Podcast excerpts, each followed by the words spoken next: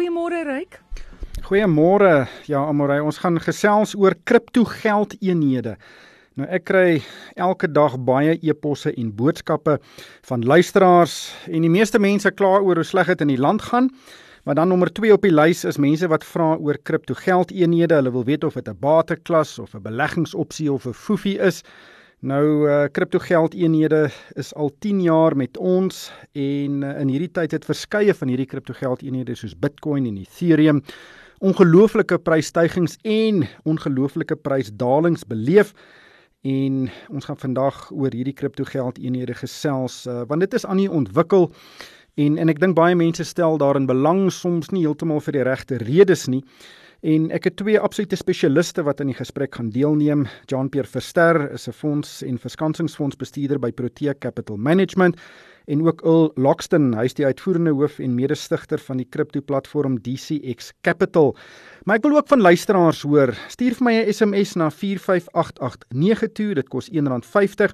Sê vir my, wat dink jy van kriptogeld-eenhede? Is dit 'n bateklas? Is dit 'n foefie? Uh besit jy enige kriptogeld eenhede? Indien wel watter ene? En indien jy 'n kriptogeld eenheid besit ook sê vir my verstaan jy die waardeproposisie? Hoekom is jy bereid om 'n sekere bedrag geld vir 'n uh, kriptogeld eenheid te betaal? En uh ons gaan daaroor gesels.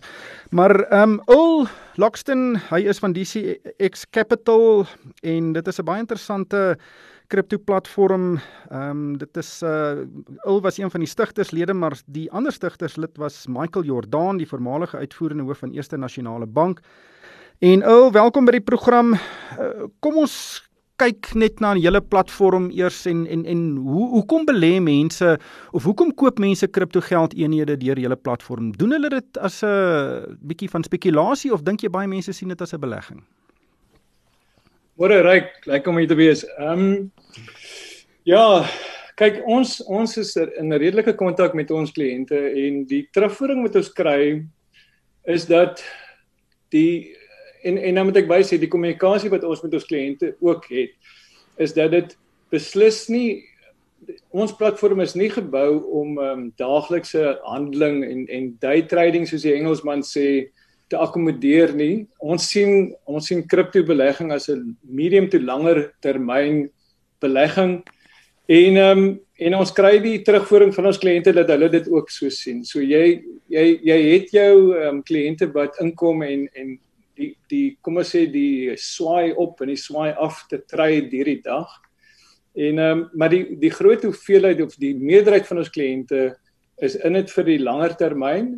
So hulle probeer op 'n goeie punt inkom en uh, en dan sit daai manne vir jy weet in ons aanbeveling moet jou horison minstens 3 tot 4 jaar wees om 'n volle siklus in te pas. Ehm um, so hmm. ons kry dit dat ons kliënte darm uh, notisie neem van daai raad wat ons so af en toe gee. Ons is nie 'n raadgewende finansiële dienste verskaffer nie, so ons gee nie spesifieke advies nie.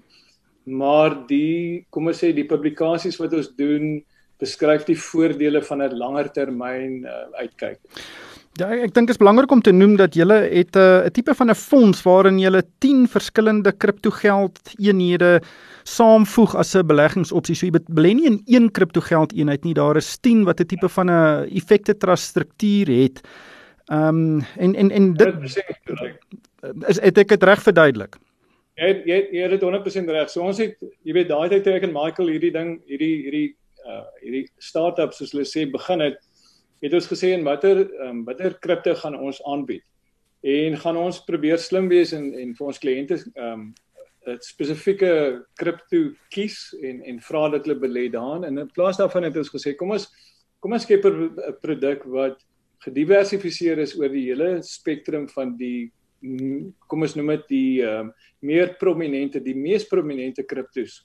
En daai kriptos is gerangskik in 'n indeks en daai indeks is gebalanseer en hulle is gewigte toegeken op grond van hulle markkapitalisasie. So dit is maar net 'n funksie van wat jy weet wat die hmm. mark plaas uh, op hulle as 'n waarde wanneer jy hulle prys verteen uh, vermenigvuldig met die hoeveelheid van daai kripto wat daar buite in die omgewing is. So Bitcoin natuurlik die grootste en dan loop hy so af na die kleiner is soos wat hy deur die 10. Maar daai daai was ons 'n keuse gewees aan die einde van die dag om 'n gediversifieerde diversifiseerde produk te skep en hmm. en indeks mark markkapitalisasie gewig was maar ons ons instrument van keuse. Maar een van dit het baie goed uitgewerk. Jy weet die ek wil nie produk praat nie, maar die indeks het het in hierdie afgelope 4 jaar siklus het hy byvoorbeeld Bitcoin met 'n redelike marge uh, geklop. So die so, so die die en en en ek kan jou klein bietjie ver, verduidelik hoekom maar maar die, die lank en die kort is dat jy weet Bitcoin trek die grootste belangstelling. Maar dan in tye van hierdie hierdie loopie wat ons nou sien, ehm um, beweeg die kliënte oor reg oor die wêreld 'n klein bietjie uit Bitcoin en dan gaan kyk hulle na hierdie ander wat hulle nou die sogenaamde altcoins. Ja. So dis nou Ethereum, Cardano, XRP en al daai daai pere. En ehm um, en wat dan gebeur is dan verloor Bitcoin so klein bietjie sy glans en die die vraag na hierdie ander uh munte raak groter en dan uit die aard van die saak lig hulle prys as gevolg van daai situasie. Maar dis een van die goed waaroor mense skepties is want daar's meer as 4000 kriptogeld eenhede tans in die wêreld. En en enige persoon kan eintlik 'n kriptogeld eenheid ontwikkel. Ek is eintlik jammer ek het nie meer opgelet in my rekenaarwetenskap klas op uh, universiteit nie. Want dan het ek dalk 'n ryk coin nou bekend gestel en maar nog steeds as daar 4000 kriptogeld eenhede is, hoekom sal sekere mense meer waarde aan een heg as aan 'n ander ene? Ehm um, uh, want daai waardepersepsie is waaroor alles gaan. Mense moet bereid wees om 800 000 rand vir 'n Bitcoin te betaal, maar as daar nou 'n Raycoin op die tafel is, sê hulle nee, wat hy's niks werd nie, ek gaan hom nie koop nie. Ja. Ja, goeie punt, Ryk. Ehm uh, hou 'n bietjie terug miskien op daai Raycoin.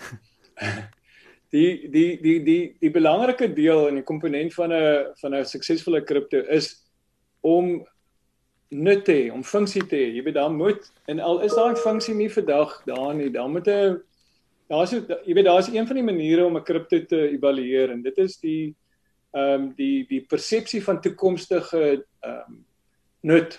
Ehm um, en en en as jy 'n waarde is baie moeilik om dit te kwantifiseer, maar kom ons sê ons koop 'n ding nou wat wat ons weet in die toekoms iets gaan werd wees want hy gaan gebruik kan word. Jy weet jy kan 'n Tesla vandag koop en hy hy gaan miskien in Engeland geparkeer wees, maar uiteindelik gaan jy hom hopelik in Suid-Afrika ge, gebruik wanneer daar nou agentskappe en daar's laaiers en daar's al hierdie dinge hierso.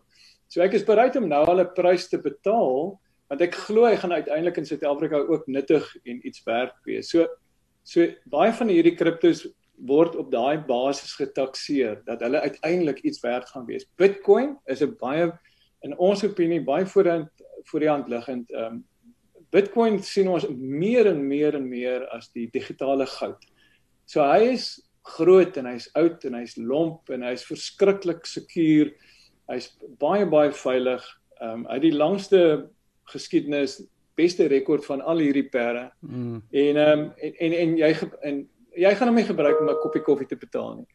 Ja. So hy het sy funksie. Ethereum het sy eie funksie. Jy weet dit is 'n basis van ehm um, slim kontrakte en geprogrammeerbare geld byvoorbeeld. So daar's meer en meer 'n vraag na Ethereum al hoe meer en sy prys is besig om dit te reflekteer. Ja. So, as jy ehm um, as jy die die die wyster kan verskuif met die funksie van jou kripto dat hy iets baie uniek met 'n fenominale tegniese span agter hom gaan kan doen. Dan gaan daar waarde wees en die ouens gaan gaan jou erkenning gee en hulle gaan 'n prys betaal en jy gaan 'n vraag, jy weet daar gaan 'n vraag ontstaan en dan 'n 'n prysverhoging plaasvind. Maar ja. Dis maar dit. Jean-Pierre Verster is 'n professionele belegger. Hy is uh hy het 'n bestuur um Effecte Trust, uh aandelefonds. Hy is ook 'n verskansingsfondsbestuurder. So hy is 'n absolute spesialis in tradisionele beleggings en hy's nou gereelde deelnemer deelnemer aan uh Moneyweb se programme. Jean-Pierre, wat is jou siening van kriptogeld eenhede en sien jy dit as 'n bateklas? Dankie Ryk. Ek dink hulle het baie goeie punte gemaak, baie ehm um, uh, punte gemaak wat direk van toepassing is op uh, hierdie nut, soos hy dit korrek genoem het, van kriptogeldeenhede. So maar ek kyk na kriptogeldeenhede. Ja, mens kan dit sien as 'n ander bateklas. Ehm um, want dit val nie in een van die tradisionele bateklasse nie. Uh, en dit is natuurlik nou ekwiteit, skuldbriewe, kontant. maar dit is seker die naaste aan kontant en meer spesifiek valuta. So valuta word altyd uitgedruk as een geldeenheid relatief tot 'n ander. En in die geval van Bitcoin kan 'n mens Bitcoin se waarde byvoorbeeld uitdruk in terme van rand per Bitcoin of dollar per Bitcoin. So dit is in daai opsig 'n digitale geldeenheid en dit is seker die naaste bateklas wat mense kan gebruik om te sê dit is 'n geldeenheid. Dit 'n digitale geldeenheid of digitale kontant, maar dit is wat uh, hierdie kriptos is. Nou om verder ook te gaan op die punt van die nut daarvan. Hoekom sal ons kripto geldeenhede gebruik? Wat is die nut daarvan of nou die huidige nut is op die toekomstige nut? En ek sien vier breë punte wat 'n mens na kan verwys as mens praat van nut. Die eerste een is as 'n betaalmiddel. Nou enigiets wat mens gebruik as 'n betaalmiddel, primêr is spoed baie belangrik en sekondêr is koste baie belangrik.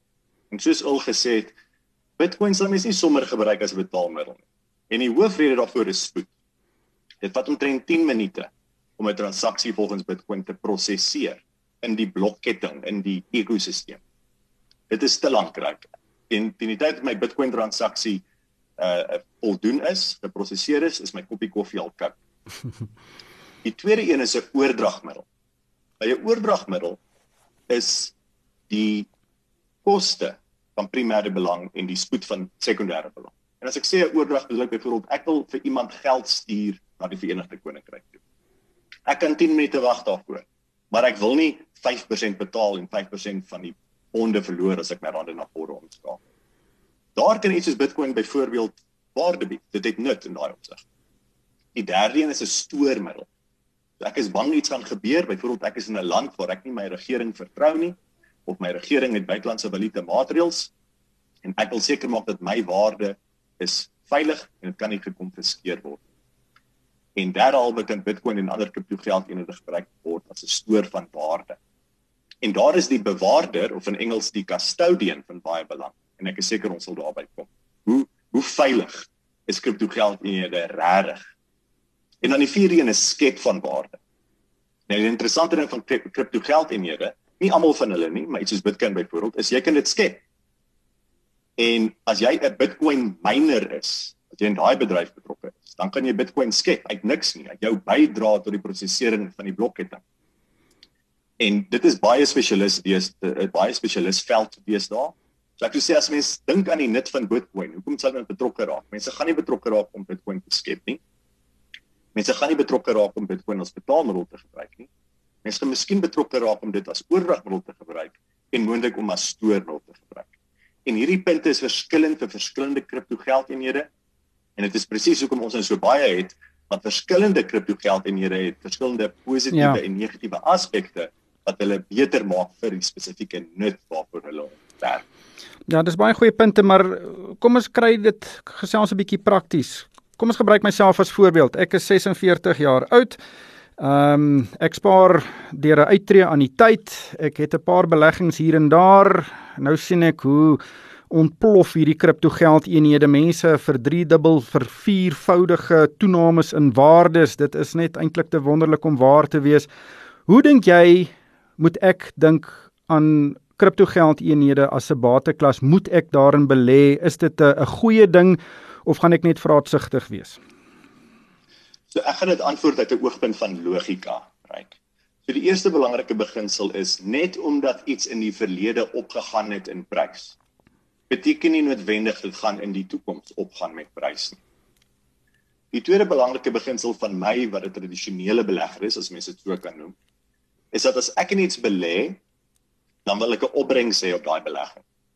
Maar daai opbrengs in die tradisionele sin van die woord word gegenereer deur die belegging self. As ek geld belê, dan kry ek rente. As ek in aandele belê, dan kry ek dividende. As ek in iets soos 'n kriptogeldeenheid of goud belê, dan kry ek nie dividende of 'n opbrengs van dit self nie. Die manier hoe ek 'n opbrengs genereer is om dit weer te verkoop aan iemand anders.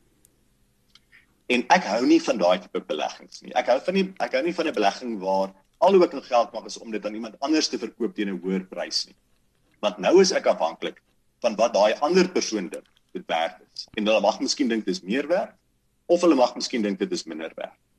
Hmm. En dit is een van die kritiese vraagstukke. So ek kan nie vir jou nou objektief en uit 'n logiese aspek sê hoeveel 'n spesifieke kripto geld eenheid werd is. Ja. Want in my wêreld, die tradisionele wêreld, hoe ek weet, is ek werk uit die toekomstige vloei van rente op dividende. Wat is dit in huidige waarde? Ek vergelyk daai waarde met prys en die verskil sê vir my of iets teen 'n prys verhandel wat 'n goeie beleggingsopsie ja. kan lewer of te duur is en 'n slegte een gaan wees. En mens letterlik kan dit nie doen as dit kom met kripto geld en hierde nie. En dit is hoekom per definisie ryk. Dit is 'n belangrike punt. Per definisie is kripto geld en hierde 'n spekulasie. En spekulasie is nie 'n vloekwoord nie. Daar's niks wat om te spekuleer. Maar 'n spekulasie is iets gebaseer waar jou opbrengs kom wanneer dit jy eendag verkoop. Dit het nie 'n opbrengs op sy op sy in op sigself. Ja. Hier's 'n hele klomp SMS'e van luisteraars. Ul, um, ek gaan vir jou vra om kommentaar te lewer. Een persoon sê ek het Ethereum, my geld vir 3 dubbel. Uh, nog 'n persoon sê ek dink dit is 'n uh, baie ingewikkelde Ponzi skema. Dan sê 'n persoon ek's 'n dame van 65 en ek het 3 jaar gelede 'n klein bedrag in Bitcoin ge uh, gebruik om Bitcoin mee te koop. En ek is seker daai bedrag is nou heelwat groter. Uh, dan sê nog 'n persoon ek is 'n uh, voormalige bankier En ek dink kripto is 'n realiteit en hoe gouer mense en veral ons jong mense betrokke raak, hoe beter. Dan sien nog 'n persoon as Elon Musk en Michael Saylor betrokke is, kan dit net goed gaan. Uh ek ek wil jou vra die demografie van julle kliënte. Uh, baie mense dink kripto dis net jong mense wat daarin belê, maar hier's nou 'n persoon van 65 en uh, hoe lyk die demografie? Ryk, ehm um, dit is beslis iets wat meer ehm um, aandag geniet onder die sogenaamde millennials. Ehm um, ons kry ons kry uh, baie makliker aanvaarding of kom ons sê die die gevoel wat ons kry is dat die millennials hierdie digitale wêreld 'n klein bietjie vinniger verstaan en vinniger die waarde in die toekoms kan insien van iets soos kripto geld. So ons demografie lê definitief in jou 30s, ehm um, maar ons het meer en meer kry ons deesdae institusionele beleggers. Jy weet dit is 'n dit is 'n ding waarvoor jy weet in enige mark en kripto spesifiek op hierdie stadium is besig om nou volwasse te raak en soos wat hy volwasse raak, gaan jy meer en meer mense soos Jean-Pierre en sy kliënte en en adviseurs wat wat bereid is om 'n baie klein toewysing te maak in hulle kliënte se se se portefeuilles te bring na kripto toe. Die ek dink die sleutel daar is uit die aard van die saak, um, presentasies, jy weet toewysing, verantwoordelikheid in terme van hoeveel om toe te wys. So daar's 'n verskywing, maar ek dink die aanvanklike uh omhelsing is definitief vanuit die millennials, die jonger 'n generasie en dit is definitief waar ons mediane ouderdom lê in daai groep in daai ja. ouderdom beslis. Dit sê nie dat dit nie is vir die ehm um, vir die pensionaarsse uh en afgetredenes en die ouer garde nie. Ehm um, beslis nie, maar uit die aard van die saak gaan dit oor ehm um, toewysing, presentasie, Engels het praat van allocation. Ja weet dit dat ons verantwoordelik is met die hoeveelheid wat ons blootstel aan hierdie wonderlike daai van jou luisteraars het gesê dat hulle hulle is 3 keer op met Ethereum. Daar's ouens wat 1000 ja. keer op is met Bitcoin en 3000 keer op is met Ethereum. En en ons moet waak daarteen om te val te vinnig en te maklik vir vir ehm um, hierdie beloftes van hierdie wonderlike ehm um, gewaarborgde groei, ja. weet as gevolg van die geskiedenis van hierdie ding. Ons glo daar is 'n patroon, ons glo daar is 'n siklus wat grootendeels gedryf word deur die 4 jaarlikse halvering in die in die ehm um, in die aanbod met ander woorde daai die myn tempo van van Bitcoin en dat dit baie duidelike bakens is op die prysgeskiedenis van van Bitcoin en wat dan 'n effek het op al die ander kriptos. Ja. Maar dit is sover soos wat ons sal gaan is om te sê dat daar is 'n model wat min of meer hierdie prysaksie verduidelik en Ja, wanneer jy verwys die myn van Bitcoin, eh, daar kan net 21 miljoen Bitcoin ooit wees. Ja. Ehm um, dit dit kan nie meer as dit wees nie en En ek ek dink op die oomblik staan ons net so onder 19 miljoen Bitcoin wat al gemyn is en uh, dit sal nou ja. toeneem oor die volgende paar jaar of sal ons nader aan die 21 kom. Maar ek wil net ons het 5 minute oor. Ek wil gesels oor die die verhandelingsplatforms want die kriptobedryf in Suid-Afrika word nie gereguleer nie. So daar kan nou verskillende platforms uh hulle deure, hulle digitale deure oopmaak waardeur mense kan belê. En ek dink in baie gevalle is daardie platforms ook 'n risiko. Daar is mense daar's sekere skemas soos uh, Mirror Trading International wat uh, die bedryf 'n lelike naam gegee het want mense het met Bitcoin uh, ingekoop by Mirror Trading en toe vat die die ou daar sy die Bitcoin in 'n hardloop weg en en en dan hmm. kry die die die die die die um kripto geld eenheid bedryf 'n slegte naam. En daar is nou prosesse aan die gang of 'n proses aan die gang om die bedryf te reguleer. Maar al ehm um, hoe hoe kies jy 'n platform wat uh goed is en waar mense eerlik is en wat uh, legitiem is? Ryk, ek dink jou ek dink die luisteraar moet sy navorsing doen so goed soos wat hy kan. Ek dink neem jou tyd, jy weet wees rustig, lees alles wat jy kan oor oor die platform. Gaan kyk na die individue wat betrokke is by daai platform. Ehm um, gaan kyk na hulle geskiedenis. Dit wat jy te lees kry. Die internet is 'n goeie bron van inligting, veral as jy krities kyk na daai inligting. Ehm um, en en maak seker kyk soos jy sê tereg op hierdie stadium is die regulasie klein bietjie agter. Ehm um, ons het nog nie ons het nog nie die vaste reëls nie, maar ek moet vir jou sê ons is baie naby daar. Jy weet ons is in gesprek met die Reserwebank en al die ander spelers van hierdie hierdie interregering finansiële werkgroep, ehm um, soos hulle bekend staan. En en ek wil sê ons is daar weg indien nie, jy weet of kom ek sê weke weg indien nie daar weg van die volgende vlak van regulasie wat bekend gestel gaan word. So so daai dinge kom. Ek wil baie vinnig vir jou sê daar's baie goeie nuus wat nou net uitgekom het. So pas net voor hierdie onderhoud en dit is dat hulle omtrent 'n miljard rand se Bitcoin opgespoor het wat hierdie Midwest skelms laat verdwyn het. So daar is daar daar is dan 'n bietjie goeie nuus ook. Hmm. Jan John die Jean Pierre nog 'n interessante SMS wat deurgekom het is dat uh, die persoon sê finansiële raadgewers het geen um, rede om hulle kliënte ehm um, te raad te gee om in kriptogeld eenhede te belê nie want hulle kan nie kommissie daarop kry nie want jy kan dit nie deur een van die tradisionele beleggingsplatforms koop nie en en daarom word uh, die die raadgewers nie aangespoor om mense daai raad te gee nie. Uh, maar ek dink dis alles deel van die regulatoriese omgewing. Die oomblik as hierdie bedryf gereguleer word, gaan dit eintlik die die hele perspektief van die bedryf uh, vanuit die standpunt van 'n beleggingsoogpunt verander. Rek ryk. Uh so weer eens 'n goeie adviseur, eerstens adviseer nie beleggings net waar daar miskien 'n fooi is vir die persoon wat daai produk aanbied vir die adviseur nie. 'n Goeie adviseur vra of dit nou direk of indirek is 'n fooi vir sy kliënt vir goeie advies. So uh dis miskien die eerste punt. En dan tweedens soos jy korrek sê, omdat dit ongereguleerd is, neem 'n adviseur baie risiko. As 'n adviseur sou voorstel dat 'n kliënt belê in kriptogeld en wat op hierdie stadium ongereguleerd is. As 'n batebestuurder wat ek van is, niks keer my om blootstelling te kry aan kriptogeld in hierdie. Mense het genoteerde beursverhandelde fondse in Amerika en in Skandinawië wat mense blootstelling gee aan sekere kriptogeldeenhede. Ek persoonlik het gekies om dit nog nie te doen nie in my fondse weens die feit van die nut wat ons vroeër van gepraat het. Ek sien nie die nut in die toekoms nie en ek vind dit moeilik om die verskil tussen die waarde van 'n kriptogeldeenheid en die prys van 'n kriptogeldeenheid te te bepaal en dan oorweeg of dit goedkoop of duur is. Nie teenstaande die spesifieke algoritme van Bitcoin wat lei tot 'n halvering van die aantal Bitcoin of die tempo waarteen die Bitcoins elke 4 jaar geskep word nie. Ehm um, so so ja, dit kom neer op op op jou definisie van nutryk en dan verder tot tot die punt wanneer regulasies inkom. So ek sê een van die mees kritiese areas, die mees kritiese rolspelers in hierdie ekosisteem is die rol van die bewaarder of in Engels die custodian.